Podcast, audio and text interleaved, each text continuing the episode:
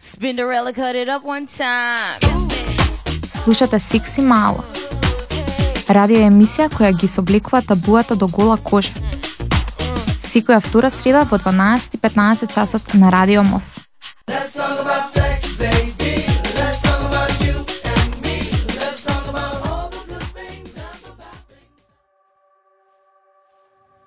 Здраво на сите. Уште една среда со, заедно со Секси Мала. Во една декемвриска вечер ја снимаме и последната емисија за зимскиот семестар или полугодие, како што ние сакаме да си го наричаме во тимот на Секси Мало, уште едно дружење, во кое што со мене заедно се Дефи и Ема. Можете да ги поздравите нашите слушатели за последен пат од оваа 2016 година. А здраве и од мене. Особено ми е драго што Ива ја заокружуваме и 2016 година во, во одлично друштво а, во тимот на Секси Мало во кој што имаме некои нови изненадувања. Меѓутоа, понатаму за нив ќе ќе зборуваме по, повеќе. Она што сакав да го кажам е дека можеби ова е најинтересната емисија во која што ќе ги заокружиме сите моменти кои што се случила во нашите претходно радио емисии. Меѓутоа сега ќе ја отстапам место и на има да ве поздрави и да ви посака а, убаво дружење со нас. Здраво и од мене. Јас сум нова во тимот, од оваа емисија ќе се дружиме почесто. Многу ми е драго што станувам дел од овој тим и се надевам дека ќе се дружиме и ќе ни биде забавно на сите понатаму во наредниот семестар. Да, во новиот, во новиот семестар, летен семестар овој пат. А, во студио ни е доста пријатно, топличко, па можеме да започнеме оваа емисија со една најава со која што ја започнавме и првата емисија од сезоната. Во неа а, уште еднаш ве подсетивме сите вас кои што не слушате, која е улогата и визијата која што ја има оваа радио емисија, нашата секси мала. Имено а, во оваа емисија ние волонтерите од Хера работиме на теми поврзани со сексуалното и репродуктивното здравје и права, зборуваме за стигмата и за табуата и работите кои што често пати се скриени под чергичи за нив ретко се збори. Зборуваме за правата на жените честопати, абортусот, ХИВ и СИДА, говор на омраза, човековите и сексуалните права како главна наша преокупација, за психичкото и физичкото здравје спомнуваме некои важни светски денови кои што ги одбележуваат сите млади или волонтери ни светот и се стремиме да ви информираме со вистински информации, со факти, но и со ова да потикнеме диалог и учество меѓу младите за теми како што кажав, сексуалноста, насилство, хомофобија и неравноправност и големиот контейнер кој што постои во сите наши глави и во кој што ги фрламе луѓето кои што се различни по основ на раса, религија, полова, одредба, сексуалност и така натаму, да го рециклираме и да ги претучиме тие идеи во нови во 2017 година. Ам, сака никој да да продолжи? Да, ова што Климентина го кажа беше одлично спакувано за сите она што ние а, го правиме во оваа радио емисија, односно кон што се стримиме. Меѓутоа јас само ќе се навратам на моментот кој што има веќе успеа да го сподели, а тоа е дека има официјално ни се приклучува на тимот на Секси Мала и ние особено се радуваме за за овој неизин путек, меѓутоа би сакала повеќе да слушнам од од неа каков е има твојот став, какви се твоите гледања, што ќе што ќе биде предизвик или што е она што го најде интересно во дружењето со нас и во овие наши радио емисии. Па, многу често ми е поставувано ова прашање секогаш во кога се приклучувам на нешто ново. А, мене особено ме радува што многу ми е драго што ве запознав сите вас од Хера. Ние тука и се запознавме во оваа емисија, ствари. А, она што мене лично ме мотивира да бидам дел од оваа емисија е токму тоа што го кажа Климентина пред малку, а тоа е она што во оваа емисија се разговара на сите оние теми кои што се табу во нашето општество, поврзани со човековите права, со сексуалноста, тие работи се работи за кои што на вистина многу малку се зборува во наше општество. И мислам дека преку овие емисии можеме колку толку да подигнеме свеста кај младите дека треба да се зборува на овие теми, дека треба да се зборува за оваа проблематика и дека различноста е таа која што не прави сите да бидеме всушност еднакви. Супер. А, во оваа емисија која што ја посветуваме, која што си ја кажуваме како предновогодишна емисија и која што ќе се потрудиме да е што помалку, да е што повеќе кратка и да биде ефективна. А, ќе продолжиме со мала музичка пауза, веднаш потоа ќе започнеме да ги издвојуваме нашите најмоменти од 2016 година или поконкретно од а, полугодието на Секси Мала која што е позади нас.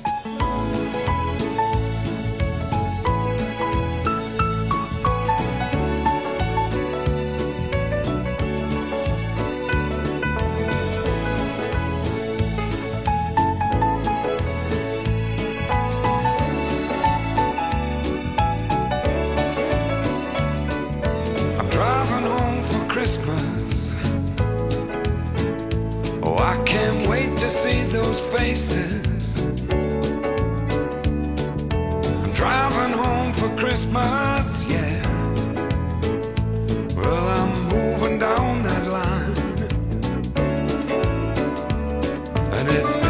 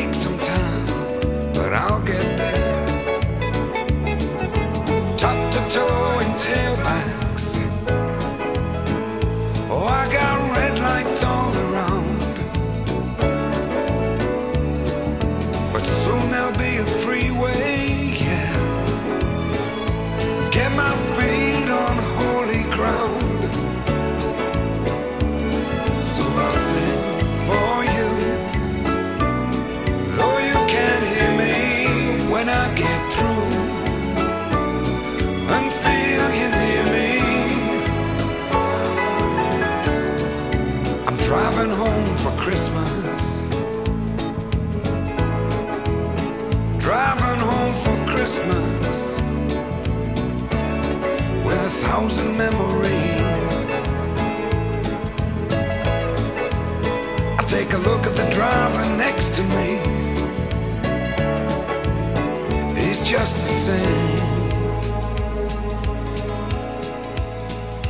Just the same.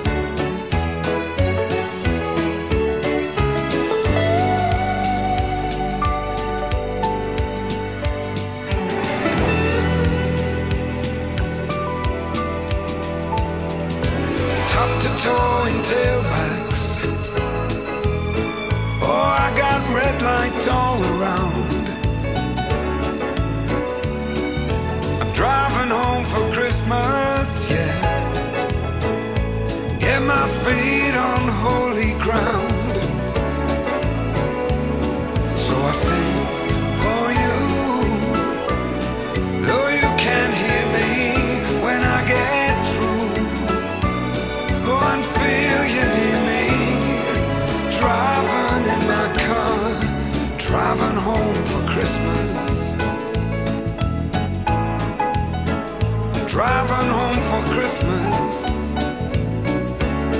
with a thousand memories. I take a look at the driver next to me. He's just the same.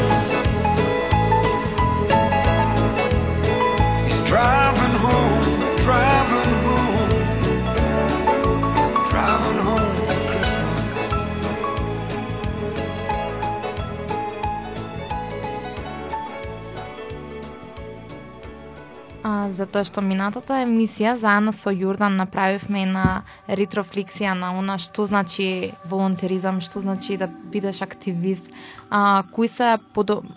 привилегиите кои што ги добиваме со младинското учество и што всушност ние се стремиме да направиме, кој е нашиот став. Ме интересира, бидејќи вие две не бевте присутни, какво е вашето размислување и што е она што вие можете да го издвоите како придобивка од тоа што себе си се нарекувате волонтери? Ајде јас ќе ќе започнам прва, ако е тоа во ред со Ема. Да. Ам, јас а, посакав да одговорам исто така на ова прашање, баш заради тоа затоа што минатиот пат не може физички никако да успеам да стасам на снимањето на емисијата. А волонтеризмот ми е една од најдрагите работи кои што сум решила и јас да ги да, да им посветам време во моето секојдневие и во текот на еден ден. А, како волонтер во Хера, Um, јас видов најпрво многу uh, се се здобив со многу лични м, вештини, со привилегии како такви. Um, една од нив е и неодамнишното учество на една конференција за животна средина и здравје која што се одржа во Виена во ноември. А, сакав ова да го спомнам затоа што баш денес учествував на на истоимена конференција за аерозагадувањето во Македонија и за тоа колку ние сме свесни само во овие три месеца колку што трае зимата, а не сме свесни за тоа преку целата година. А, исто така како што кажа и некои професори кои што денеска предаваа на конференцијата, аерозагадувањето а, не влијае само врз респираторниот систем, пардон, или врз срцевите заболувања, туку овие честички кои секојдневно ги внесуваме во нас имаат а, ефект врз целокупниот организам, допираат до сите органи. Исто така влијаат и на репродуктивното здравје, особено на жените. А, преку вдишувањето на овие честички, размножувањето на истите во крвта доаѓа до ефект во секој орган, така и во репродуктивните органи. Затоа и се појавува често дуцнење или нерегуларности во менструалниот циклус кај девојчињата, преран или задоцнет пубертет, малформации кај плодовите, абортус или прерано раѓање на на момче или на девојче и слично. И сакам да ги посочам сите оние едукации неформални кои што ги сме ги имале во основните и во средните училишта низ Скопје а, неудам на две од тие едукации по случајен избор испорно да бидам со Дефи. Тоа беше првото мое искуство со врсници на кои што им предаваме за седум области од сеопфатното сексуално образование и на вистина можам да кажам дека е пријатно искуство затоа што не можете да ми поверувате колкави се ефектите кога ќе слушнат тие деца, ќе се ќе се изразам така, да кога ќе чујат колку митови, колку невистините постојат во, цел, во целиот тој збир или целиот воздух на неточни информации кои што го вдишуваат, условно кажано, секојдневно. Извини, Ема, затоа што може би премногу, премногу зборував. Нема проблем. Јас, додека зборуваше Климентина, многу размислував како да го одговорам ова прашање, затоа што мислам дека со многу луѓе имам разговарано на оваа тема и си имам обидувано да им дадам аргументи за тоа зашто јас сум решила да се посветам на волонтеризмот и на тоа да бидам активист. Пред се, најверојатно поради мојата состојба, на прво место најверојатно е тоа ставено, бидејќи еве за тие што не знаат, јас имам 100%, 100% оштетен вид. И најверојатно тоа уште од мала ме направило да бидам борец во животот, да им докажам на останатите, не да им докажам, да им покажам дека тоа што имам пречки во видот не ме прави многу различна од другите, односно да, може би сум поразлична во некои работи, меѓутоа тоа не значи дека немам способности, дека не можам да го работам тоа што го сакам, дека не можам да бидам личност. И оние работи кои што сум ги гледала околу мене, односно јас во кругот на луѓе во кои што сум растала, на вистина никогаш не сум била дискриминирана, никогаш никој не ме гледал како нешто поразлично или како нешто што не вреди. Меѓутоа сум имала доста е, можности да да сретнам луѓе со било каков друг вид на попреченост кои што ја немаат онаа самодоверба која што ја имам јас, благодарение на моето семејство пред се. Да немаат еднакви услови, си да знаеме дека дека за, за било кого нема еднакви услови, но посебно за лицата со попреченост. и тоа да ги прави да се чувствуваат како да се нешто помалку од останатите. Во втора или во трета година средно не се сеќавам веќе.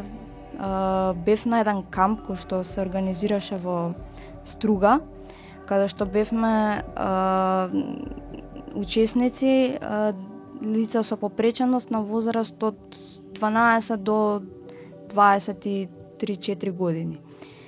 Таму за прв пат имав можност да сретнам луѓе кои што ја немале таа среќа во животот која што сум ја имала јас. За прв пат слушнав а, многу голем број на приказни од тоа како а, поради нивната попреченост не се прифатени од нивните семејства, а не пак од некој друг. И тоа беше нешто што ме потикна и си реков дека јас можам и дека сакам да го променам тоа и да им помогнам на овие луѓе да да не размислуваат односно да не размислуваат на тој начин дека не вредат, бидејќи на вистина е многу тешко.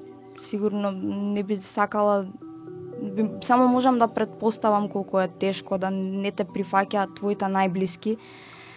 Меѓутоа и покрај тоа сакам да им помогнам колку можам да сватат дека и тие се луѓе како и останатите и дека можат да бидат тоа што сакаат и дека треба да имаат само доверба и да се почитуваат самите себе си.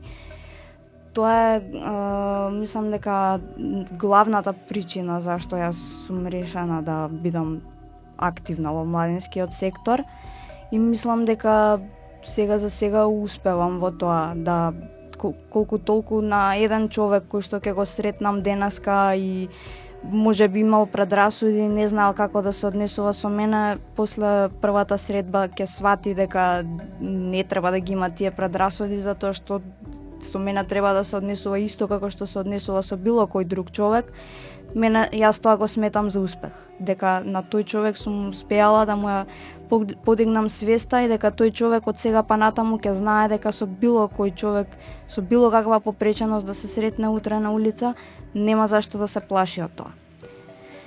Инаку сум а, подолго време веќе волонтер во Центарот за младински активизам КРИК, каде што имаме доста обуки работилници поврзани со попреченоста. Ем, бев учествував на нивната програма за долгорочна програма за младински работници која што се организираше од а, април до декември. А, сега како завршен дел од таа програма требаше да организираме работилници, ние кои што учествувавме на таа а, програма бидејќи сме сакаме да станеме младински работници, нели? А, и организиравме новогодишни работилници кои што беа организирани во а, мешани групи, имавме лица со попреченост и лица со типичен развој. А, сум била волонтер во Црвен крст во средно, еве сега се приклучувам официјално во Хера и уште 10 организации кои што сметам дека работат како што треба да ме викнат да волонтирам, јас ќе го прифатам тоа затоа што тоа е нешто што на вистина ми исполнува и мислам дека секој млад човек кој што смета дека може, а секој млад човек може да направи промени во општеството, треба да се вклучи во младинскиот сектор. Она што мислам дека може да го заклучиме е колку на вистина нудат овие невладини организации во однос на тоа што младите може да променат доколку заземат учество и многу чисто имена кои ќе ме запрашаат меѓутоа зашто, која која беше причината зашто си започнала, пробувам да им објаснам дека тоа е некој внатрешен порив кој што тежне да. и едноставно те насочува да направиш некоја промена, промена дури и во малото во кое што живееш или во заедницата, а понатаму и во општеството, односно да бидеш млада личност која што има глас, чиј глас може да се слушна и да застапуваат други млади за доброто нивно и за доброто наше сивкупно, со тоа што ќе се направат некои промени во иднина за и останатите млади кои што нели треба да не наследат условно кажано. А, меѓутоа, затоа што денеска правиме е и на завршна рефлексија за сите овие наши емисии во, во Сикси Мало, морам да напоменам дека а, ова полугодие нашата Сикси Мало наполни 5 години. Тоа беа 5 години а, постоење кое што кое што го заокруживме со една мала забава која што беше организирана во центарот на Водно и она што е нашето и најавна, она што ние како најавна шпица го кажуваме, а тоа е дека со сите овие радио емисии ние всушност на вистина ги собле, ги соблековме и си уште ги соблекуваме до кола кожа сите табуја кои што постојат а, со тоа што зборуваме за сексуалноста, но и едуцираме како да како да се превенираме или пак да ги упатиме младите да знаат како да се третираат доколку се соочат со некои одредени состојби кои што се секако нели од аспект на сексуалното и репродуктивното здравје. А, меѓутоа како активности може би е подобро да ја устапам на Клементина да ги да ги наброи затоа што и самата најмногу се се вложи во тоа да води евиденција за за која емисија станува збор, за што ќе збориме, а, во однос на тоа кои концепти ќе ги создаваме и креирање на истите. Затоа, драга, ако сакаш, ева накратко да ги именуваш сите оние активности кои што ги измина, кои што ги имавме изминатава година, иако мина ми делуваат како сосема малку, меѓутоа секако ќе ги видам и кога ќе се ситам што се имаме поминато, да сваќам дека всушност не било малку. Да, во рок од 4 месеци ние завршивме на вистина многу активности, како што напишав во еден мој статус, и јас самата бив изненадена дека за толку кратко време, дури и пред временскиот рок кој што ни беше поставен како една рамка до која што или ќе го завршиме ова или никогаш повеќе нема да се реализира. На вистина бев изненадена од бројот на активности кои што ги имаме сработено како што реков за само 4 месеци. Но за 3 месеци ние во студиото на Радио МОВ успеавме да снимиме дури 7 емисии во кои јас, Климентина, Дефи, Јоцо, Лина, Ема, Цако, разговаравме отворено за следниве теми. Одам поред за тие теми кои што ни беа на емисиите.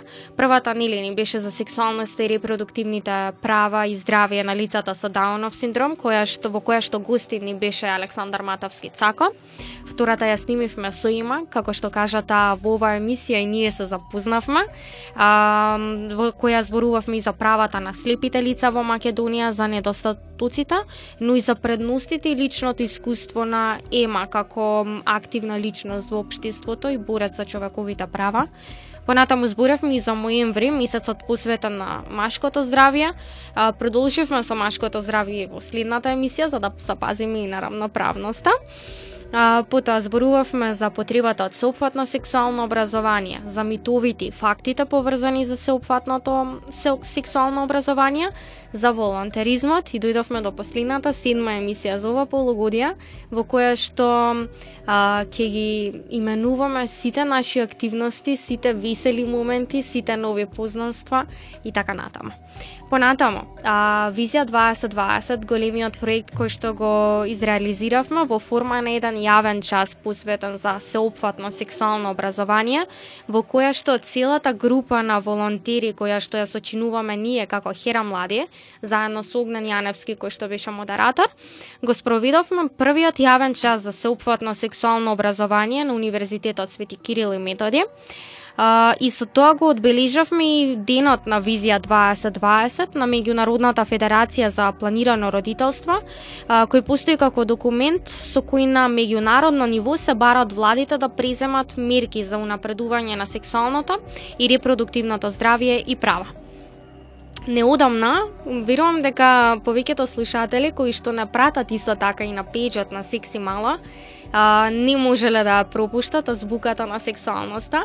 Или како што ние сакаме да си го кажеме, да си го именуваме ова мало букварче кое што излезе, а кое што е збогатено со а, по една буква во која вие читавте, следевте и се уште можете тоа да го направите, а, да видите со тоа да да, да видите со тоа колку м, колкаво знаење имате од поимите за сексуалноста и што ви фали. Секој ден овој албум беше дополнуван со поими во македонскиот јазик кои се поврзани со сексуалното и репродуктивното здравје и права на сите нас.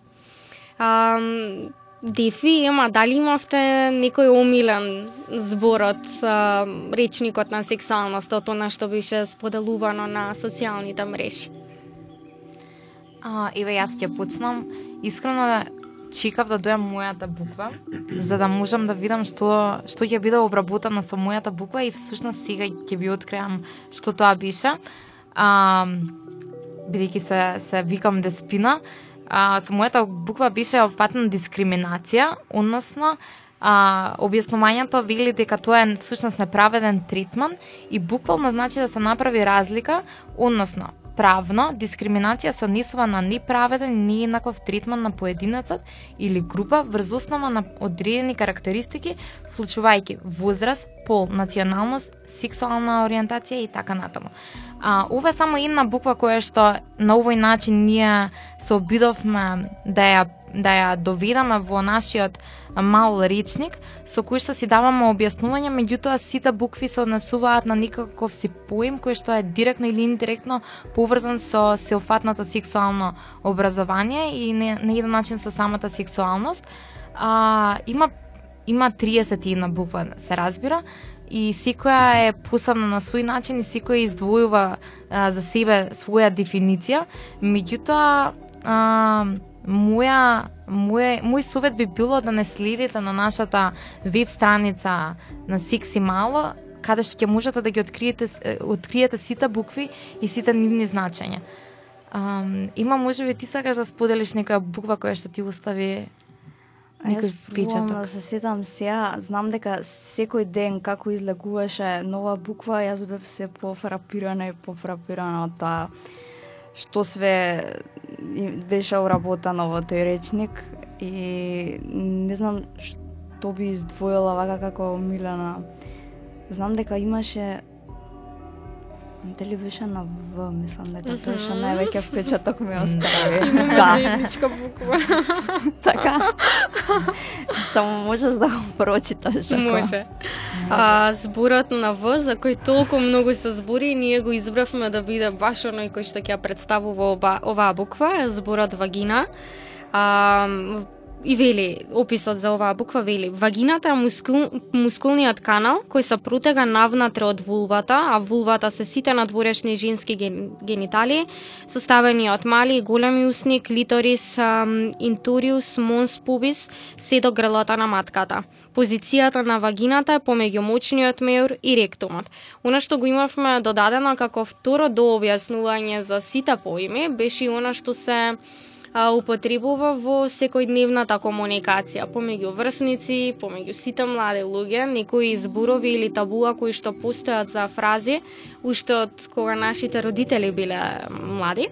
И вели, Иако поимот пичка се користи за да опише слабост, реалноста е дека вагината, пичката, вулвата се неверојатно флексибилни, издржливи и јаки органи. Крварат од 4 до 7 дена месечно и на крајот секогаш победуваат. Од нив излегуваат од 1 до 4 килограми бебиња и покрај тоа што се шират, пукаат и се сечат, повторно на крајот доаѓаат во својата првобитна состојба во неверојатно брз временски период. Мислам дека е одлично со оваа дефиниција да го закружиме ова е, мало дружење и да направиме на кратка музичка пауза, затоа што ќе продолжиме со најсвирлите точки од претходните радио емисии.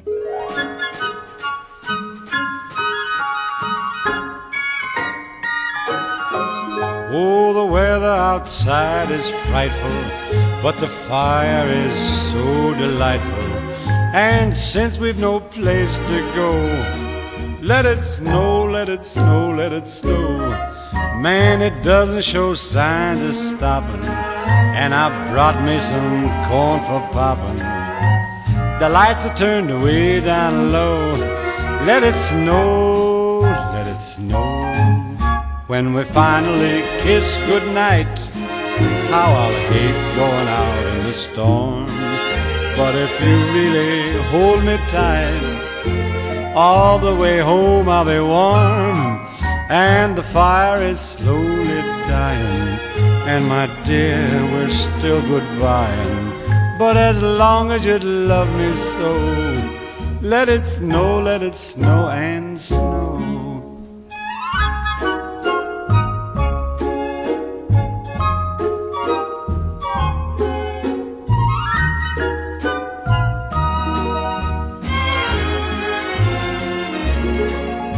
When we finally kiss goodnight, how I'll hate going out in the storm. But if you really grab me tight, all the way home I'll be warm. Oh, the fire is slowly dying, and my dear, we're still goodbying. But as long as you love me so, let it snow, let it snow, let it snow.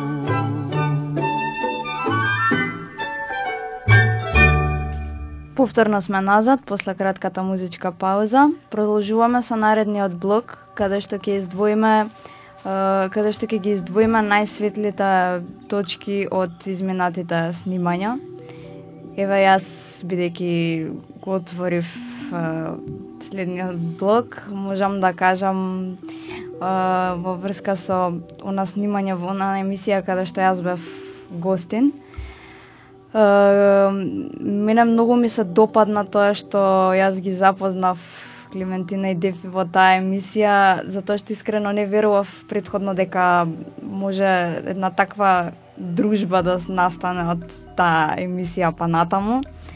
Uh, многу ми е драго затоа што на вистина се многу ретки луѓе кои што во моментот кога ги запознаеш знаеш дека ќе ти останат пријатели за цел живот и многу бев задоволна од снимањата на емисијата и од атмосферата која што владееше овдека и од позитивната енергија и од она што го разговаравме.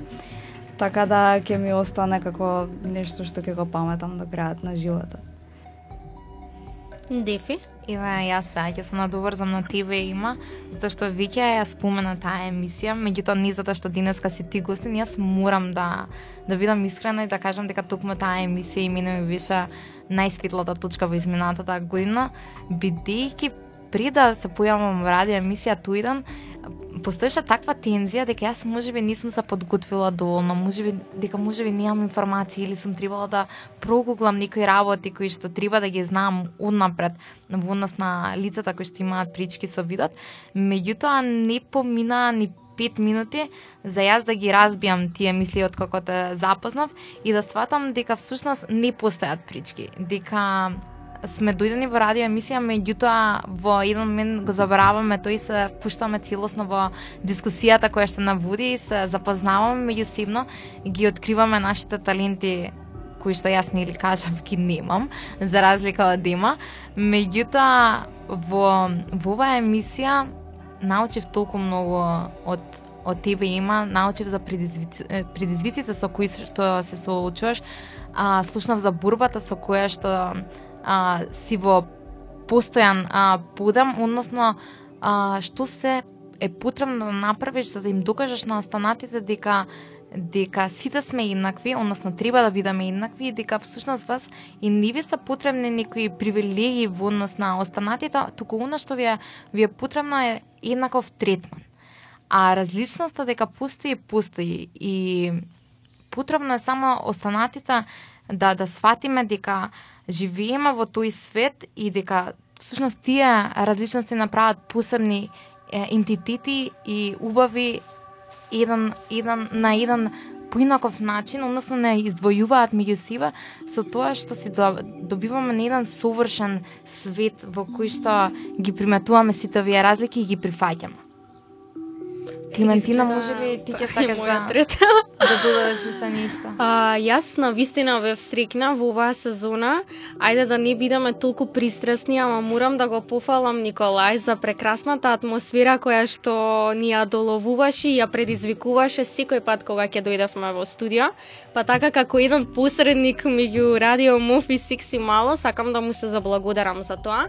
И сакам да ги споменам сите моменти кои што беа исечени во овие емисии, а во тие моменти а, никој му доаѓаше да кашла или не знаеше да го изговори зборот како што треба правилно. Тоа се случува и со нас, иако сме тука да ги претучниме овие информации точно и веродостојно. Um, исто така двете прекрасни средби со Ема и со Цако кои што верувајте дека иако само 30 минути се држевме со нив овде во студио, нивниот глас допре до сите нас, верувам и до вас кои нас слушате. И сакам уште еднаш да ви посакам а, убав да си да ви посакам убав одмор во празниците кои што ни следуваат. А, да си поминете убаво, да запом да се сетите на сите оние информативни видеа, слики и а, совети кои што ви ги имавме постирано во оваа сезона за тоа како да се заштитите, затоа што ни следува а, период кој не само што е преубав и празничен, туку и може да се случат и некои непосакувани работи. Затоа ние луѓето кои што постојано ве предупредуваат за да не се случат непосакувани ефекти, а, ви предлагаме да си користите соодветна заштита. А, Дефи и Ема, дали сакате да им посакате нешто на нашите слушатели вие за крај? Беше интересно што новогодишно го посака токму тоа, меѓутоа јас ќе им посакам да бидат похрабри во новата година, а, да ги застапуваат своите права, да прво да се стекнат со знаењата и со релевантни информации во однос на тоа кои се нивна, нивните права, што може да превземат, што може да сменат во нашето општество и да се залагаат, да се дружиме заедно, да се запознаеме со нови волонтери кои што ќе се приклучат во нашето мало семејство на млади кои што се стрима да направат големи промени и уште еднаш ќе ја поздравам Мима и ќе ја посакам да добри дојде да во, во нашата во нашата фамилија на секси малци и предпоставам дека не очекуваат премногу изненадувања и улични емисии и дружења во наредните во наредните месеци и години. Јас исто се надевам дека не очекуваат уште многу интересни дружби. Јас би сакала да им посекам на сите слушатели, како што кажа Дефи, да бидат похрабри, да разберат дека секој од нив има удел во борбата за човекови права, затоа што аргументот дека јас како единка не можам ништо да сменам е тотално погрешен, дека секој човек може да промени нешто. А, да бидат срекни, да бидат а, по позитивни и да прифатат различноста.